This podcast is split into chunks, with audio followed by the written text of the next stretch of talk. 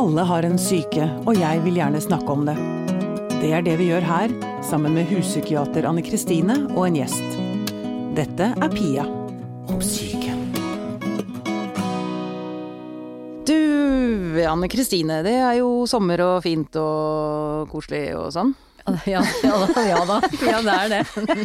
Det er det. Mye som er Det koselig. er mye som er koselig. Og um, i disse sommermånedene så er det jo lett for at det blir uh, noen pils og noen glass vin og kanskje andre ting.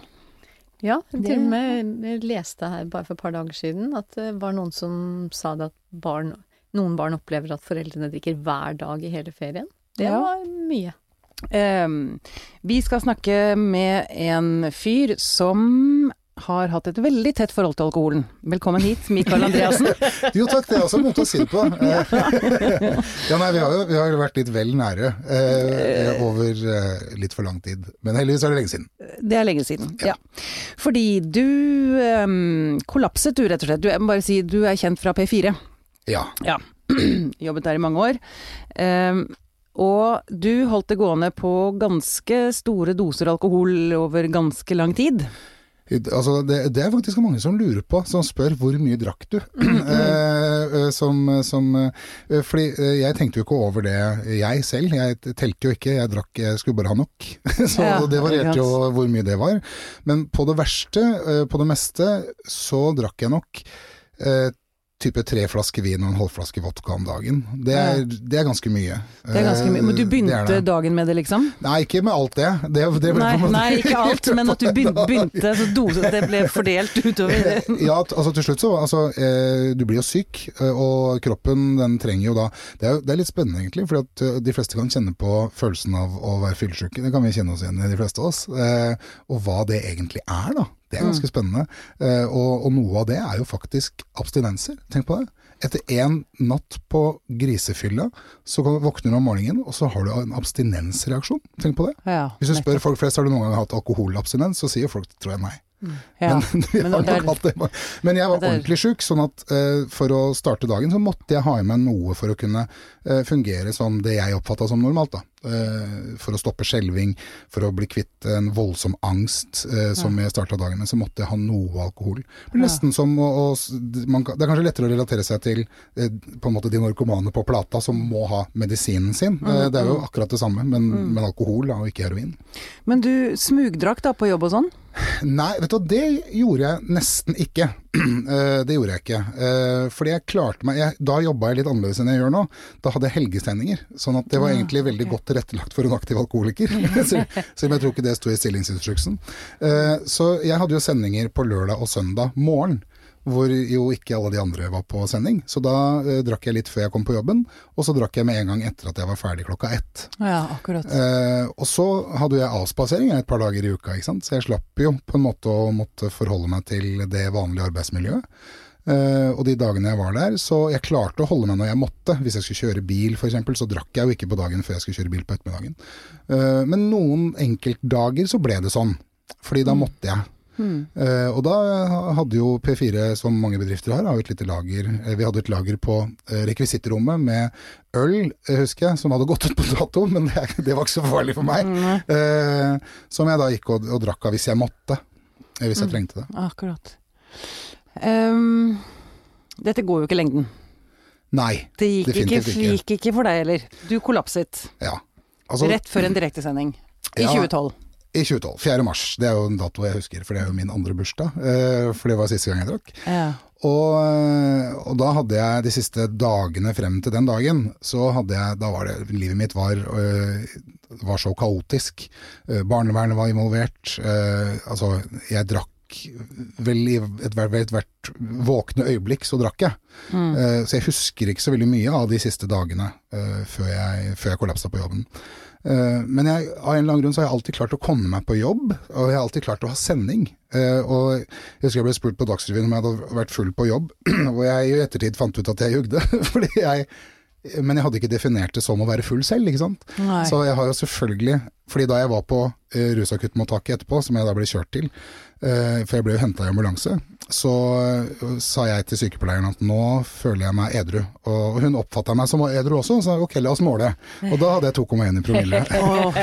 så i min verden så var jeg Da kunne jeg kjørt bil. Men jeg burde nok kanskje ikke ha gjort det. Så, og da, da kom jeg på jobb, og da hadde jeg rett og slett bare ikke noen krefter igjen. Da, det var ikke noe mer igjen, så det bare jeg prøvde å beskrive den følelsen noen ganger som, en, eh, som noen som åpner en, en, kran inni kroppen med helt sånn perfekt kroppstemperaturvann, som, som bare flomma ut i kroppen, og så bare lot jeg det skje. Og syntes egentlig det var veldig deilig. For jeg, du, du bare falt mer, sammen. Bare falt sammen. Bare, bare sammen. Mm. Så husker jeg ikke noe mer før jeg våkna på rusakuttmottaket. Så er det jo en kollega selvfølgelig som har ringt ambulanse. Ja, akkurat. Ja, nettopp. Men fordi jeg regner med at i Eller jeg må bare spørre deg. Vi har jo hatt Julie Winge i studio også. Ja for et års tid siden, var det, er det vel nå. Eh, men eh, dere omtaler dere selv som alkoholikere fortsatt, mm, mm. selv om dere ikke drikker. Mm. Hvorfor det? Kan jeg spørre om det? Eh, for meg så er det jo Det er jo, det er jo en sykdom. Mm. Og det er en kronisk sykdom som mm. jeg må leve med resten av livet. Og mm. derfor så er jeg alkoholiker, men det er jo heldigvis et skille mellom aktiv og ikke aktiv alkoholiker, da. Ja. Så den sykdommen har jeg som sukkersyke, da på en måte. Den har du hele tiden. Og så har jeg en allergi mot alkohol som gjør at jeg har ingen garanti for hva som skjer hvis jeg drikker. Altså, mange som sier sånn, kan du ikke ta én øl eller et glass vin, eller eh, Nei, jeg kan ikke det. Eh, det kan hende eh, at hvis vi hadde tatt et glass vin sammen nå, så hadde akkurat det gått fint, men jeg vet ikke det. Nei, du tar ikke den sjansen. Ikke det, og den sjansen kan jeg jo ikke ta. Nei. For meg så står det om, om livet mitt. Ja.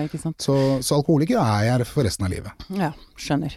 Men um, bare få høre litt om, om den altså, som hverdag som aktiv alkoholiker, da. Er det mye fornektelse i det? Ja, i perioder så er det jo det, for det er det er det eneste forsvaret jeg hadde uh, mot å på en måte stå i hva jeg var. Uh, så for meg så var det et fornektelse var jo et forsvar. Mm. Uh, for, for hvis jeg skulle på en måte ta inn over meg det jeg jo egentlig visste jeg var, og alle de konsekvensene jeg skapte, som jeg jo så at jeg skapte. Jeg var jo ikke blind, og jeg tror ikke jeg er spesielt dum heller, sånn at jeg forsto jo hva jeg holdt på med, men jeg klarte ikke å la være. Eh, så lenge så, så, så, var det en fornektelse, fornektelse, der, helt til jeg overfor meg selv eh, det, det, var så åpenbart, liksom, at, jeg, at, jeg, at det, det, var ikke noe poeng overfor meg selv heller. Uh, og jeg klarte ikke å opprettholde den fornektelsen overfor meg selv. Og, og, det medførte egentlig bare at det som var vondt, ble enda vondere, da. Og jeg hadde ingen annen måte å løse det på enn å drikke mer. Det var min eneste uh, utvei. Uh, jeg visste ikke om noen andre måter å, å løse det på, uh, og var livredd for konsekvensene hvis jeg slapp opp og på en måte fortalte, eller at noen så det, eller ja. jeg, jeg, jeg tenker på, hvis man står rundt er i nærheten av et annet menneske som man kan man ser Man tenker han, han eller hun drikker for mye. Mm. Man ser fra utsiden så ser man at det er et problem. Men Julie sa jo det at du kan ikke få et annet menneske til å slutte å drikke, det må komme innifra. Mm. Er du enig i det? Det er jeg enig i. Mm. Men, jeg kjenner jo Julie også, og vi følger jo den samme filosofien eh, mm, mm. som tolvtrinnsmodellen. Eh, altså det eneste som kan få en alkoholiker til å slutte å drikke, er alkoholikeren selv. Selvfølgelig. Jeg tror det er viktig eller, å synliggjøre alle konsekvensene. Eh, sånn at det er konsekvenser alkoholikeren er nødt til å forholde seg til. Så det kan være med på å sette i gang en prosess som gjør at eh, alkoholikeren kommer til det eh, som jeg kaller for min absolutte bunn, da min personlige bunn. Mm. Men jeg må dit for å kunne være i stand til å gjøre noe med det. Mm. Det er først da, og da er det jo mange som mener at det, der kommer det eneste punktet inn hvor valg er noe reelt for en alkoholiker. Det er skal jeg ta imot hjelp eller ikke. Det er på en måte det eneste punktet hvor alkoholikeren har et reelt valg da, i forhold til den sykdommen alkoholikeren har. Mm. Uh, og, og, det punktet kan du bare komme til selv. Ja. Uh, men, men, selvfølgelig med hjelp av en rekke konsekvenser da, som mm. er med på mm. uh, å, å, å, skyve deg dit. Mm. Men um, igjen, vi snakket om barn. Um, det er vel Man kan vel også som utenforstående, eller hvis man ser at en voksen drikker for mye mm. rundt barn, har man lov til å si noe? Skal man si noe? Altså ikke, jeg, jeg, bare må man la, kan, kan man la være å si noe? Nå så jeg på deg også. Ja, ikke sant? Nei, nei, ja, ikke sant? Ja, men du er, det er helt riktig. Ja, man må jo det, fordi at det Altså alle mennesker har plikt til å ta vare på barn, selv Mm. om det ikke er sine egne barn. Mm. Så ser man et barn som ikke har det bra av at foreldrene drikker, så tenker jeg man er forplikta til å gjøre noe med det. Altså Mm. om ikke juridisk forplikta, så er man moralsk forplikta. Mm. Fordi barna, de har ingen andre. Nei, de er jo prisgitt oss hele tiden. De. Hele tida. Alt de er utsatt for, de er, det er jo vi som, som bestemmer alt for dem. Mm. Og, og så er det, eh, vi ser jo dette hele tiden. Alle kan huske tilbake til en eller annen tur på ferie hvor de ser noen som helt åpenbart drikker for mye rundt barna sine. Og så snakker vi med hverandre om det, veldig ofte. Det er litt sånn ja stakkars, eh, se han lille gutten, han går rundt og er alene og uh, mamma, moren og faren ligger der borte og drikker hele dagen. Og det snakker vi om. Og så, uh, så snakker vi ikke til. vi, Barnet tenker du på, eller foreldrene? ja. Nei, men jeg tenker uh, i hvert fall å snakke med barnet, tenker jeg. Og spørre barnet hei, hvordan har du det? Eh, i, I det minste, altså barn tar jo gjerne foreldrene sine i forsvar. Eh, de er veldig lojale, vi skal gjøre ganske mye mot barn. Eh, dessverre så er det sånn på en måte at, at barn vil gjøre ganske mye for å beskytte foreldrene sine. Men da har det i hvert fall skapt en åpning da, overfor det barnet. At det er noen andre trygge voksne her som ser meg, eh, som, som det kan være mulig å gå til. Snakke med foreldrene. Men da er det jo måten du snakker med foreldrene på. Hvis du går bort til noen og sier 'hei, du', nå drikker du mye, altså. Så altså, alkoholikeren vil, tror jeg nok i 99% av tilfellene gå rett i forsvar. Jeg hadde gjort det. Eh, men ikke alle foreldre som drikker for mye rundt barna sine er alkoholikere. Nei. De fleste av dem er jo ikke det. Nei, ikke Det går kanskje an Noen trenger bare det lille dyttet. Uh, den lille Oi, der, ja, kanskje det. Å bli bevisst. Å bli fordi, bevisst. fordi barnet opplever, opp, oppdager det eller merker en forskjell ganske fort. Det var det poenget mitt. altså- Veldig fort. Ja. Og det er jo bare for å vise til den fine kampanjen som er i sosiale medier nå, fra av og til. Mm. Eh, De sier jo hele tida 'hvor mange glass tåler barnet ditt'? ja. Fordi at vi voksne, vi, vi kan jo lett tenke at nei da, hvis jeg bare tar ett eller to eller tre, så er det ingen som merker det på meg. Men altså barna merker det omtrent etter første slurk, altså i hvert fall ikke langt ifra. Veldig ofte så kan de faktisk merke det før du Ja, før du faktisk tar den drikke, første, fordi Ja. de merker endringen i din forventning. Fordi at veldig mange eh, har, vi har jo en forventning til når vi Nå skal vi, og nå skal vi snart drikke, og da har vi en forventning til det. Vi gleder oss til festen, ikke sant. I kveld skal jeg på fest, vi gleder oss, vi endrer atferd. Og det er jo atferdsendringen barn ikke liker. Mm, jeg Det er jo det at oi, nå er du annerledes, hvorfor er du annerledes nå? Vi er annerledes i ansiktet, annerledes i stemmen, annerledes i bevegelsene. Altså de små, små tingene. Annerledes i blikkontakten. Ja. Og så tenker vi noen ganger at ja, men vi er jo bare glad. Vi er jo Mm. bare fornøyd. Vi har det jo kjempegøy. Og ungene får jo til og med mer penger eh, til å kjøpe is. Mm. Eh, og, så, og så bagatelliserer vi veldig ofte eh, hvordan barn oppfatter det. Mm. Eh, vi tar egentlig vi, vi, vi tar ikke inn over oss eh, hvordan de egentlig eh, har det, og antar at de har det jo gøy fordi jeg hadde det gøy. ja. Men um, for å ikke bli for moraliserende her. Ja! Nei, men fader heller. Eller skal er det vi være så det? mora- Men er det så moraliserende, da? Er det, altså, jeg mener jo, at det må jo kunne gå an Jeg sier ikke at folk ikke skal få lov å drikke. Jeg sier jo ikke at uh, for hvis du tar deg en øl, så er barnet ditt traumatisert for livet. Nei. Jeg mener jo ikke det. Jeg mener jo at tenke igjennom hva slags forhold du har til alkohol, og hvordan du skal bruke alkohol når du er på ferie før du drar. Mm. Det kan da vel virkelig ikke være så innmari mye forlangt, syns jeg. Eh, fordi det, jeg tror veldig mye er gjort med bevissthet. Mm. har- Jeg stemmer på ja, deg. fader, jeg, jeg, jeg kjenner at jeg blir litt sånn. For Ja, det, når det gjelder alkohol, så er vi så innmari forsvarsposisjon. Eh, altså, Du må ikke komme og ta det fra meg, på en måte. Nei, ikke sant. Eh, Men og Definer hvor viktig er det for deg, da. ja, men fordi det har jeg faktisk tenkt på, at det, det, er, det er innmari mye alkohol i samfunnet vårt. Med en gang man skal ut og gjøre noe med venner, så er det veldig ofte alkohol med i bildet. Og jeg har innimellom tenkt, faen, jeg, jeg sliter med å liksom finne aktiviteter å gjøre sammen med venner som ikke inkluderer alkohol. Mm. Og det er jo litt rart, egentlig, at, at det, det er en ekstremt stor del av, av livet vårt. Og så er det ubevisst, fordi det har bare alltid vært sånn. Og så er det liksom kul kultur, og så er det liksom det ene og det andre. Mm. Men eh, jeg tror nok at eh, drikkepresset er kanskje større egentlig blant voksne enn en Blant blant, barn? ungdom. Nei, men blant Ja. ungdom. Ja, akkurat. Eh, Ja, fordi at eh, det er, det er så å si ikke akseptabelt å ikke drikke. Altså enten så må du da være alkoholiker, Ja, ja, nei, det- så må det funker være veldig fint. Ja, det, funker- det funker bra. Da skjønner folk det. Eller så må du være gravid, eller så må du kjøre bil. Mm. Og hvis du ikke har en av de tre grunnene, så skjønner ikke folk Eller hvorfor du religiøse ikke grunner. Ja, men da er det det de spør, da. Er det religiøse grunner? Ja, Men altså, det behøver jo ikke å være det heller. Nei. Men det er liksom ikke greit å Nei, for du- ikke drikke. Nei, for du blir ansett som litt kjedelig og partypooper. Mm. Ja, og liksom, jeg husker eh, i et, et sted hvor jeg jobba, så var det noen som siterte hele tida Er det John Wayne eller noe sånt? Kan ikke stole på en mann som ikke drikker. Ja, Det er jo et norsk uttrykk.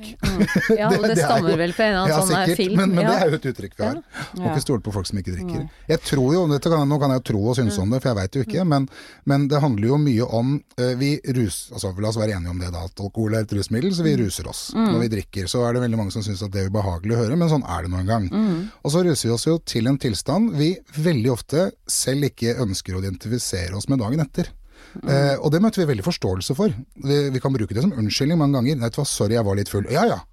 Da er det på en måte ikke noe mer Du skal gjøre noe veldig grovt for at noen liksom ønsker å grave mer i det, for de skjønner at det er ubehagelig og kan kjenne seg igjen i det. Så jeg, jeg tror jo da at det er litt den tryggheten i å ikke stole på noen som ikke drikker, er fordi at de, de kan fortelle deg, de ser deg for, uh, i den tilstanden du er i, og kan evaluere den tilstanden på en helt annen måte enn hvis de selv er på samme sted. Jeg tror vi ønsker at alle rundt oss skal være på samme sted som oss. Ja. Eh, og jeg merker jo veldig at folk syns det er veldig interessant å snakke med meg som vanlig når vi er, ikke er uh, Og jeg syns det er interessant å snakke med dem til et punkt. Men én ting er at jeg mister interessen, men det gjør også de. De syns ikke, når de blir for fulle, så er ikke jeg noe gøy å snakke med, jeg heller. For jeg er, jo, jeg er jo ikke på det nivået. Nei, ikke sant. Men, men jeg håper å si, føler du deg ensom i det? Nei. Fordi jeg har en bra fest fram til det. Eh, Jeg har jo, jeg testa ut det ganske tidlig, jeg var på institusjon. Jeg testa ut hvordan vil det være å, å være på fest. Så jeg var på institusjon og dro på Jeg begynte rolig da med D-Sound og A1 eh, på, på, eh, på Rockefeller. Ja, begynte pent. Eh, og møtte masse kolleger og sånn på Rockefeller som var på, på, i farta. Eh, og det syns jeg egentlig var hyggelig, for de var ikke drita. Eh, men da måtte jeg kjenne på reaksjonen, da. Eh, Og det gikk fint. Eh, Jeg syns det var kjempegøy. Jeg kan også bli på en måte brisen, eh, og være med på den energien. Opp til et nivå hvor det tipper over, og da går jeg hjem. Men da har jeg jo faktisk hatt en bra fest fram til det. Den slutter bare litt tidligere. Og det er greit å legge seg tolv òg, altså. Syns jeg. Ja, og det er, men det er veldig interessant det du sier om at du kan kjenne deg brisen, for jeg, leste meg opp på det nå nylig. At det var en del forskningsartikler og sånn som viser det Altså de sa blant annet noe om det som du sa, at eh, det er så greit å ha noe å skylde på. Så det var til og med sånn at det er større, det er større aksept for å ha utøvd vold hvis man gjorde det i fylla. Sånn at eh, altså det, var, det ble diskutert litt, er det en sånn unnskyldningsmekanisme? Men så hadde de også gjort undersøkelser. eh, De hadde gitt folk noen sånn veldig illeluktende greier å drikke. Eller det lukta veldig sterkt, da. Og noe inneholdt alkohol, og noe inneholdt ikke alkohol. Og så lagde de grupper på kryss og tvers. Og de som trodde de drakk alkohol, blei akkurat like brisende som de som drakk alkohol. Mm. Altså bare, bare at du tror at du drikker alkohol, så, Så- blir du brisen. Ja, faktisk på tull masse skjenka en, psykologiske ting skjenka en eks X på alkoholfritt øl, ja, så det Ja. funka det. Ja, ja. Eh, Men så er det litt sånn også Ikke at gjør dette hjemme. Nei, det er, ikke, det er ikke så farlig heldigvis. Men hvis, jeg, hvis du nå da hadde kjent hånda mi krype litt oppover låret ditt, så går jeg ut fra i hvert fall at du hadde reagert på det. Men hvis vi to hadde sittet og drukket og vært på julebord sammen og ganske fulle, og jeg hadde gjort akkurat det samme, så hadde du kanskje fortsatt reagert, men ikke på samme måte. Det hadde, jeg hadde sluppet unna med det på en helt annen måte hvis vi hadde drukket sammen. Det hadde vært ja ja, han var jo Og så Ja. Var det greit, fordi, fordi jeg var full. Mm. Ja, så det er, det er, men det er mange interessante også- ja. mekanismer rundt det, altså. Um, du, for å vri litt, eh, Mikael. Um, uh, du har et veldig bevisst forhold til skam. Ja, jeg har, i, hvert fall sånn at jeg har funnet ut at jeg ikke kan bruke det til noe særlig. så, så, jeg, så jeg ser på en måte ikke helt hensikten Jeg ser jo eh, altså, ja, jeg, ser ikke, jeg, jeg, ser ikke hensikten med at jeg skal skamme meg. Nei. Hva jeg kan bruke det til for noen, egentlig. Hvis jeg, kunne, hvis jeg hadde gitt deg noe, eh, og det var viktig for meg, at jeg skamma meg, så kunne jeg eventuelt ha gjort det for din skyld. Men, men det er jo en følelse jeg ikke helt ser. Jeg ser ikke helt eh, hva den er godt for. Det, jeg tenker at det er veldig sunt, altså fordi det er noe med eh, Ikke sant, jeg har jo selv en bipolar lidelse. Um, og Det var jeg trodde jeg hadde òg. Ja, nettopp. Det jeg skal spørre, jeg har lyst til å spørre deg om det òg. men men eh, det der å skamme seg over ting man har gjort når man har vært sjuk eh, Jeg har slåss litt med det. Mm. Eh, så det er derfor jeg spør, spør deg om det. Jeg, det interesserer meg. Men, men jeg har jo også slåss med det. Det har jeg Mm. jo virkelig gjort. Og jeg har virkelig gjort ting som de aller, fleste, de aller flestes første reaksjon vil være å skamme seg. Mm. Eh, og vil nok si at det har du grunn til å skamme deg over, tror jeg i mangel av noen bedre ord. Eh, fordi jeg har utsatt Altså, min sønn har jo da hatt et fravær av en far over flere år, fordi jeg har drukket for mye. Det var min skyld. Eh, noen ganger så sier jeg mista kontakt med, men jeg mista den jo ikke. Det var jo, den ble jo ikke bare borte. Det var jo jeg som, det var et valg jeg gjorde. Eh, og datteren min har vært utsatt for en pappa som har vært utrygg, uforutsigbar, sånn, ikke sant, sovne på sofaen. Eh, det er jo en situasjon jeg har skapt for mitt barn. Det er jo kanskje noe av det verste som fins, å kjenne på som pappa. Og det har jeg på en måte skamma meg over. Men den følelsen kan jeg, altså, jeg kan ikke bruke den til noe. Hva kan jeg gjøre med det? Jo, jeg kan bearbeide det, bearbeide det sammen med, med, med barna mine. Da. Eh, og så må vi, må vi komme oss videre på et punkt. Må legge det bak oss. Så er det, det er en, Jeg vet ikke om du kjenner til sinnsrobønnen, om dere har hørt den før? Jo, men ta den gjerne. Ja, men den, den uh, uavhengig om du tror på Gud eller ikke, nå går den tilfeldigvis til Gud, da, men send den hvor du vil. Uh, Gud gir meg sinnsro til å godta de ting jeg ikke kan forandre. Eh, I den setningen synes jeg det ligger mye bra. Eh, mot til å forandre de ting jeg kan, og forstand eller visdom da, til å se forskjellen. Eh, ting som er gjort, er gjort. Du kan ikke forandre på det. Du må komme deg videre. Og det å bære på vonde følelser eh, knytta til det, eh, tror jeg bare er negativt. Du må bearbeide det. Det er ikke dermed sagt at det er greit at det skjedde. Det er ikke det. Nei, men det er, det er skjedd, og som du sier, er- man kan ikke endre det som er skjedd. Kan ikke endre på det. Og nå har du, og det som er poenget er at du har jo lært det som er mulig å lære av den skammen. Mm. Fordi at jeg tenker jo at på en måte så har vi den skamfølelsen som også et sånn varsel om at er du sikker på at dette er så lurt å gjøre? Ja. Ikke sant? Sånn at på et tidspunkt så hadde den en slags funksjon. Ja, Eh, men, men- er skam da riktig? Nei, det er kanskje ikke ja, nei, riktig nei, men ord skyld, skam, men altså Ja. det er noe der. Men når man da har skal si, lært noe av det, og brukt opp, så har det jo ingen funksjon lenger. Så da Nei, du, så har du skammen ikke kan forhindre for deg å gjøre lignende ting igjen. Altså, det er i hvert fall noen, tenk- noen ja, men for da tenker teoretikere. Ja, for jeg tenker skam er noe som på en måte kommer i etterkant. Eh, altså det er skamfølelsen, som jeg definerer den. da. At den kommer etterpå for noe jeg har gjort. Eh, mens eh, jeg, men, for jeg er enig i eh, Men jeg ville kalt det noe annet, da. Ja da, Bare, det men, er men, men, men mange at varsellampene blinker, på en måte. Ja. Mm. Ja, for, Ja. Men jeg tenker at skammen er vel kanskje ikke det som gjør at ikke du drikker lenger nå, men at det kunne forhindret deg. Skammen over det som har skjedd, kunne stoppa neste drinken, liksom. Nei, men da er jeg jo inne på feil spor, for det kan ikke være årsaken til at jeg lar være å drikke. Okay. Eh, altså skamfølelsen, eh, den, eh, den, eh, den vil jo forsvinne med første drinken. Eh, Mm, den okay. døyver jeg jo med drinken. Det er jo det jeg har gjort før. At Mm. den, så det, det kan ikke være årsaken til at jeg eh, lar være å drikke. Selvfølgelig en, et bilde av mulige konsekvenser er jo eh, selvfølgelig med på å forhindre meg. Nå er jeg heldig òg, for jeg har faktisk ikke lyst på alkohol. Eller jeg, det popper opp inne i hodet innimellom, som, som det jo gjør for alle. Men det må jeg jo leve med, det er greit. Eh, det, men jeg går ikke rundt og har noe sug, russug. Nei. Det vet jeg mange har. Men du, jeg lurer på, du sa du nådde ditt absolutte bunnpunkt. Mm. Men eh, du, du må jo ha tatt et eller annet valg der. Altså du kunne jo egentlig fortsatt å drikke Ja, etter for kollapsen, å egentlig. fortsette å prøve å løse problemene. på Ja, samme ikke sant. du, du tok en eller annen avgjørelse. Hva, kan du si hva det var som skjedde der?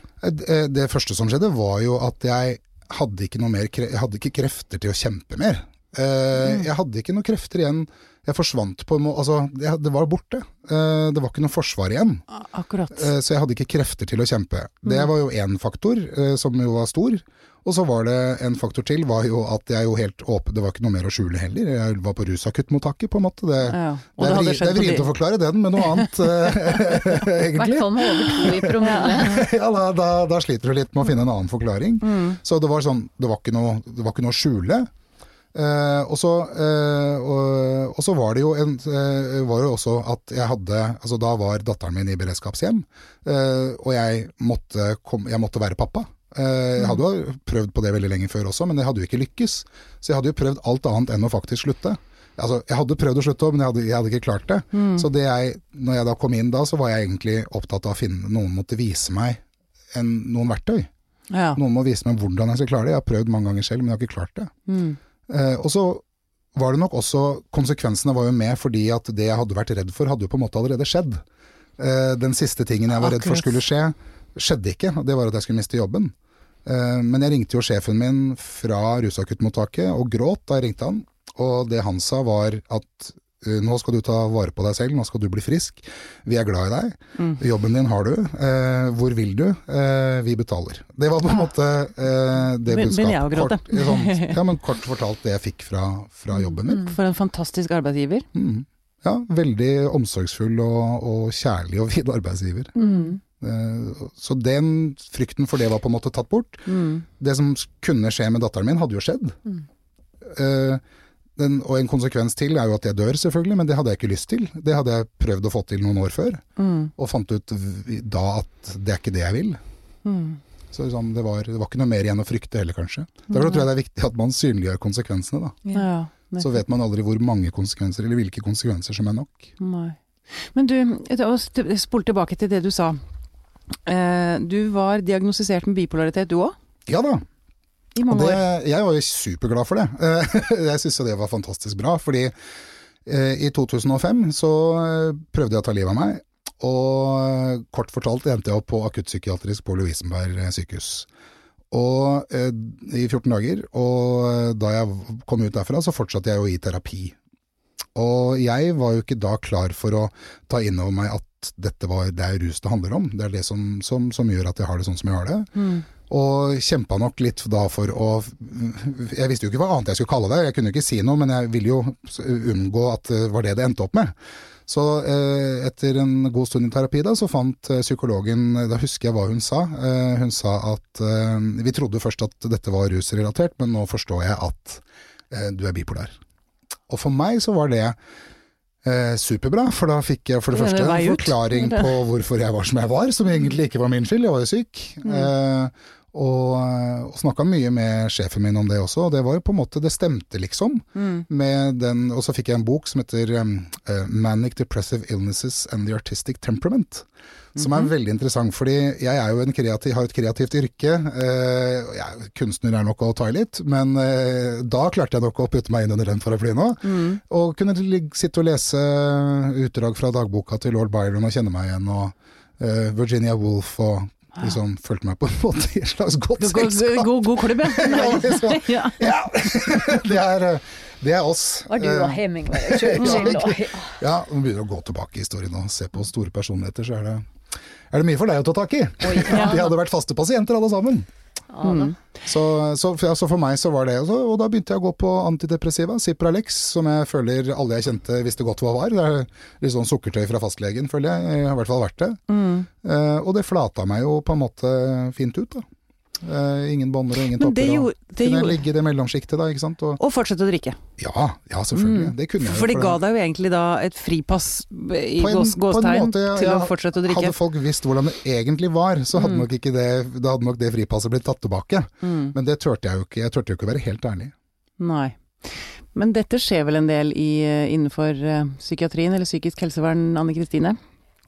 For å si det sånn, så er jo det med en eller annen form for rus ved siden av eh, type psykiske helseplager, det er jo ganske vanlig. Fordi at eh, man gjør jo det man må for å forsøke å mestre en strevsom tilværelse. Mm. Og sant, hvis man har psykiske helseplager, så er det strevsomt. Og da prøver man å gjøre det mindre strevsomt, og da funker jo Altså det er jo det som er så fælt, at rus funker jo på et vis. Mm. Til det da ikke gjør det mer og blir et eget problem. Mm. Så, så ikke sant, dette, dette det er veldig vanlig. Ja, men du tenker ikke lenger at du er bipolar, altså? Nei. Vi er ikke samme klubb der, vi er ikke samme familie der. Nei. Men du Eh, skulle Skal bli alene? Tror du faen meg kan jeg får holde meg til lord Byron og Hemingway, da. Ja, du får gjøre det. Å ja, ja, ja, van Gogh. Trenger bare ikke å skjære av deg øret. Nei, ikke sant. Nei. Eller ta med eget Eh, liv. nei, men altså eh, Nei, jeg, jeg er ikke det. Eh, jeg har det jo Jeg har det egentlig veldig fint. jeg, jeg har det. Altså, jeg, jeg, men jeg har jo tunge dager, jeg òg. Altså, mm. Det er jo ikke sånn at med en gang man slutter å drikke, så, så er livet en deilig, nydelig tilværelse på en rosa bomullssky hvor, eh, hvor sola alltid skinner. Sånn er det jo ikke. Men jeg har jo verktøy som gjør meg i bedre stand til å håndtere livet, da. Mm. Eh, Sånn at jeg er flink eh, til å ta tak i ting med en gang. Dukker det opp et eller annet inni magen, så er jeg rask til å definere hva det er. Og finne ut av om jeg kan løse det og gjøre noe med det. Og er flink, ikke alltid like flink, men jeg prøver i hvert fall så godt jeg kan, å løse opp i disse for meg disse klumpene da, Mm. som, som popper opp. Er det en tomhetsfølelse, så prøver jeg å definere hva det er, og finne ut av hvorfor det er sånn, og så finne løsninger på det. Ja, men det, og det er det du tenker at den tomheten, det er det man drakk bort, du drakk bort før, liksom? At man, Tomheten, rastløsheten, utilfredsheten, Mm. eh, følelsen av å være mislykka, eh, følelsen av å ikke mestre det alle andre tilsynelatende mestrer så fint. Ja, for det ser jo sånn ut. ja, ja. Det, det gjør det. Og du tenker jo, jeg tenkte i hvert fall at var helt det var ingen andre som hadde det som meg. Mm. Ingen andre som kunne forstå hvordan jeg hadde det. Eh, og, eh, og, og folk må for all del ikke finne ut av hvordan jeg egentlig er, for da, da, da kommer de til å synes at jeg er et forferdelig menneske. For jeg syns jo selv at jeg var et forferdelig menneske. Mm. Men det gjør du ikke lenger. Nei, jeg syns at jeg er en helt ålreit fyr. Nei, men jeg tror de fleste Og det er sånn de fleste mennesker er egentlig helt ålreite folk. Det, de, de fleste mennesker er det. Mm. Så kan vi gjøre noen ting som, som ikke er så ålreite alltid, men, Mm. men vi er egentlig, tror jeg, innerst inne de fleste av oss ganske ålreite. Ja. Det tror jeg òg. Ja. Du, Det er bra at fagfolk kan si det. Ja. ja. Em, tilbake litt til datteren din. Mm. Du har brukt mye tid em, hun, er, hun er yngre enn sønnen din? Ja, Sønnen min er 22, og datteren min er 13. Og Ja, hun nettopp, var da så hun var- 8 og et halvt da jeg slutta å drikke. Ja, nettopp. Og du har brukt mye, mye tid på å snakke med henne Mm. om det som skjedde.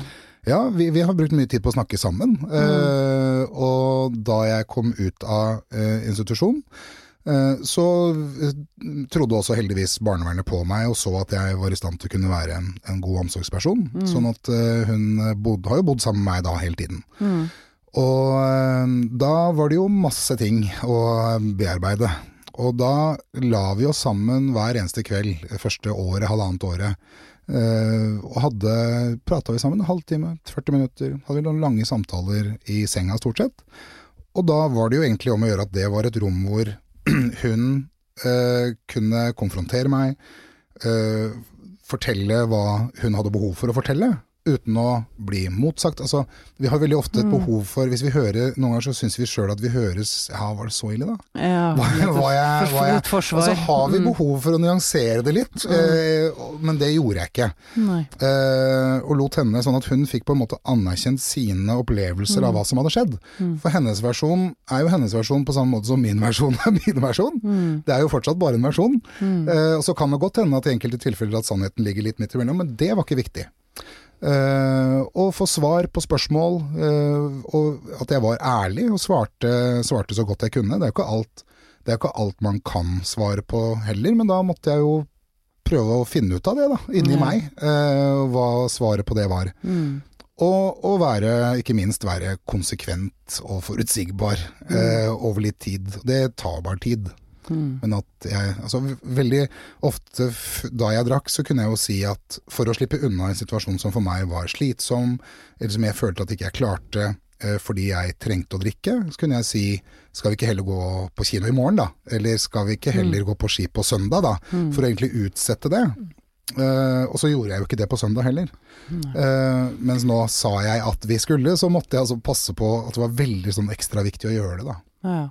Men den åpne dialogen der, tenker jeg det er mye man kan reparere i barn ved å gjøre det Mikael har gjort.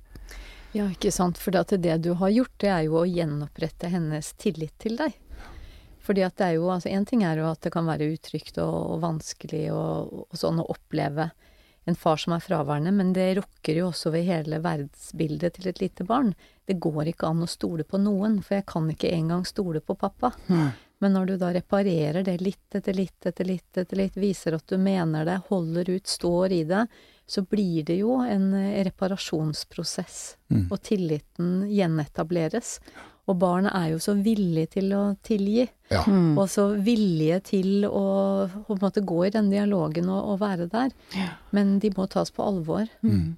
Men så kult også, det høres ut som hun også turte å Altså vi snakket om dette med lojalitet, ikke sant. At man som barn kanskje prøver å skjerme foreldrene, eller liksom Altså, det er så mye lojalitet der at de, at de setter foreldrene foran seg selv. Mm. Men dette høres ut som hun faktisk turte å fortelle deg hva hun opplevde. Mm. Ja, men, og det gjorde hun. Mm. Eh, Jeg tror ikke det er mulig å si så mange ting som opplev, vil oppleves tyngre for en pappa å høre enn det jeg har hørt. Eh, så, og det er jeg veldig glad for. Og eh, selvfølgelig, i dag er hun 13 og jeg er jo et kjøtthue, jeg. Eh, Men, men nå er jeg et helt vanlig, en vanlig dust. Som jeg, men, men, En eh, edru dust. En edru dust. Ja. Men, men, men også i dag så er jo så er hun er ikke redd for å si hva hun mener. Nei. Og det er jeg veldig glad for, eh, for da vet vi alltid hvor vi har hverandre. Og, og, og da vet jeg hva som er reelt, og da har jeg noe helt reelt å forholde meg til. Da. Men hun, nei, hun var ikke det. Men, men, og det håper jeg jo, og tror jeg jo også er fordi eh, altså hun, Barn må jo venne seg til altså Voksne skal tåle. Eh, Det er lov for voksne å bli lei seg, eh, fordi vi har jo følelser vi òg. Men vi tåler jo å være lei oss, Eh, og det, det, vi er den samme for det. Eh, Og hun merka vel at jeg da tålte det, og jeg brukte jo jeg sa ifra om at jeg tålte det, og så måtte jeg også vise at jeg tålte det. Sånn at det var på en måte eh, Det var greit, da. Jeg, jeg ble ikke noe annerledes eh, selv om hun sa hva hun følte. Eh, Det, ble, det skapte heller en ekstra nærhet ved at hun turte. Mm, nettopp. Jeg ser psykiateren sitter og nikker nikker veldig så Det er bra med psykiater nikker. Ja, Ja. Det er verre når psykiateren sitter og rister på hodet. Prakteksemplar av en far. Han får vi. Ja, nei, det, det skal jeg virkelig ikke påstå at jeg er. For jeg har sikkert jeg har masse andre feil. uh, som jeg, Mange ting Jo, men jeg ikke er tenker flink at grunnlaget, grunnlaget, den tilliten mellom foreldre og barn Jeg kan ikke tenke meg noe som er viktigere. Nei, Uh, den, den, den er jeg ganske overbevist om at det er der. Mm. Og så, så er det mange andre ting jeg kunne gjort bedre. Men vi er jo ikke perfekte noen av oss. Det gjelder å gjøre så godt man kan, tror jeg. Ja, Det er liksom det, men det er akkurat det der jeg har mest lyst til å oppfordre voksne til. Altså åpne opp for den, den dialogen. Jeg, bare, jeg kan liksom ikke tenke meg noe som betyr mer. Vær ærlig, sånn som du sa. Mm. Ja, vær ærlig og vær åpen.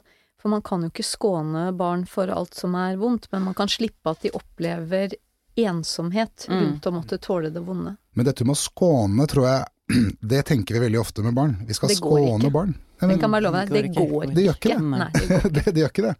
Eh, og de har, får mye mer ut av uh, at man er åpen Mm. eh, og, og ærlig.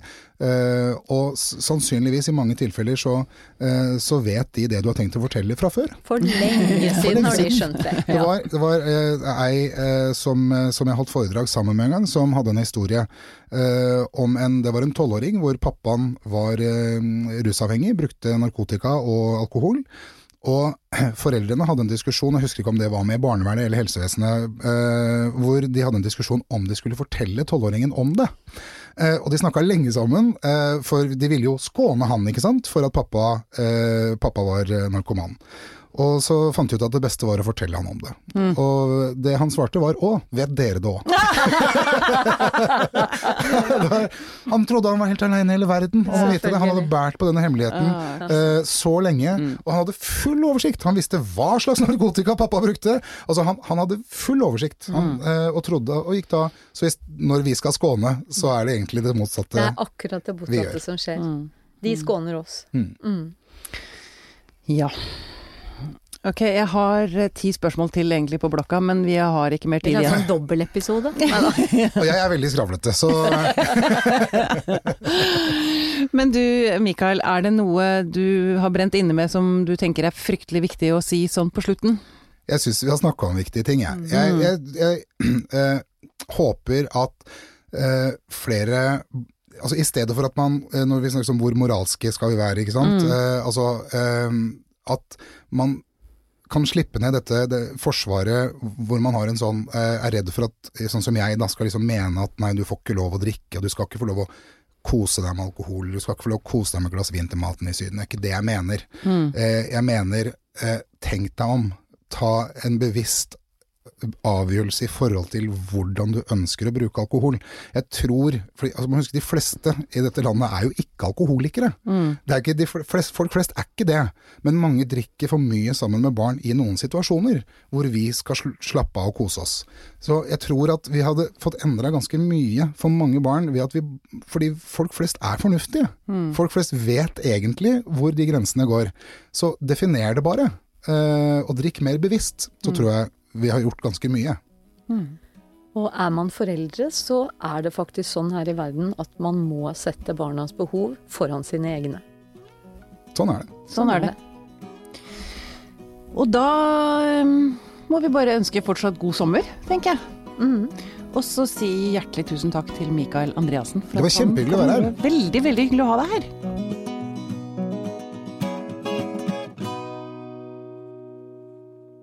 Denne podkasten er produsert av Tid og Lyst.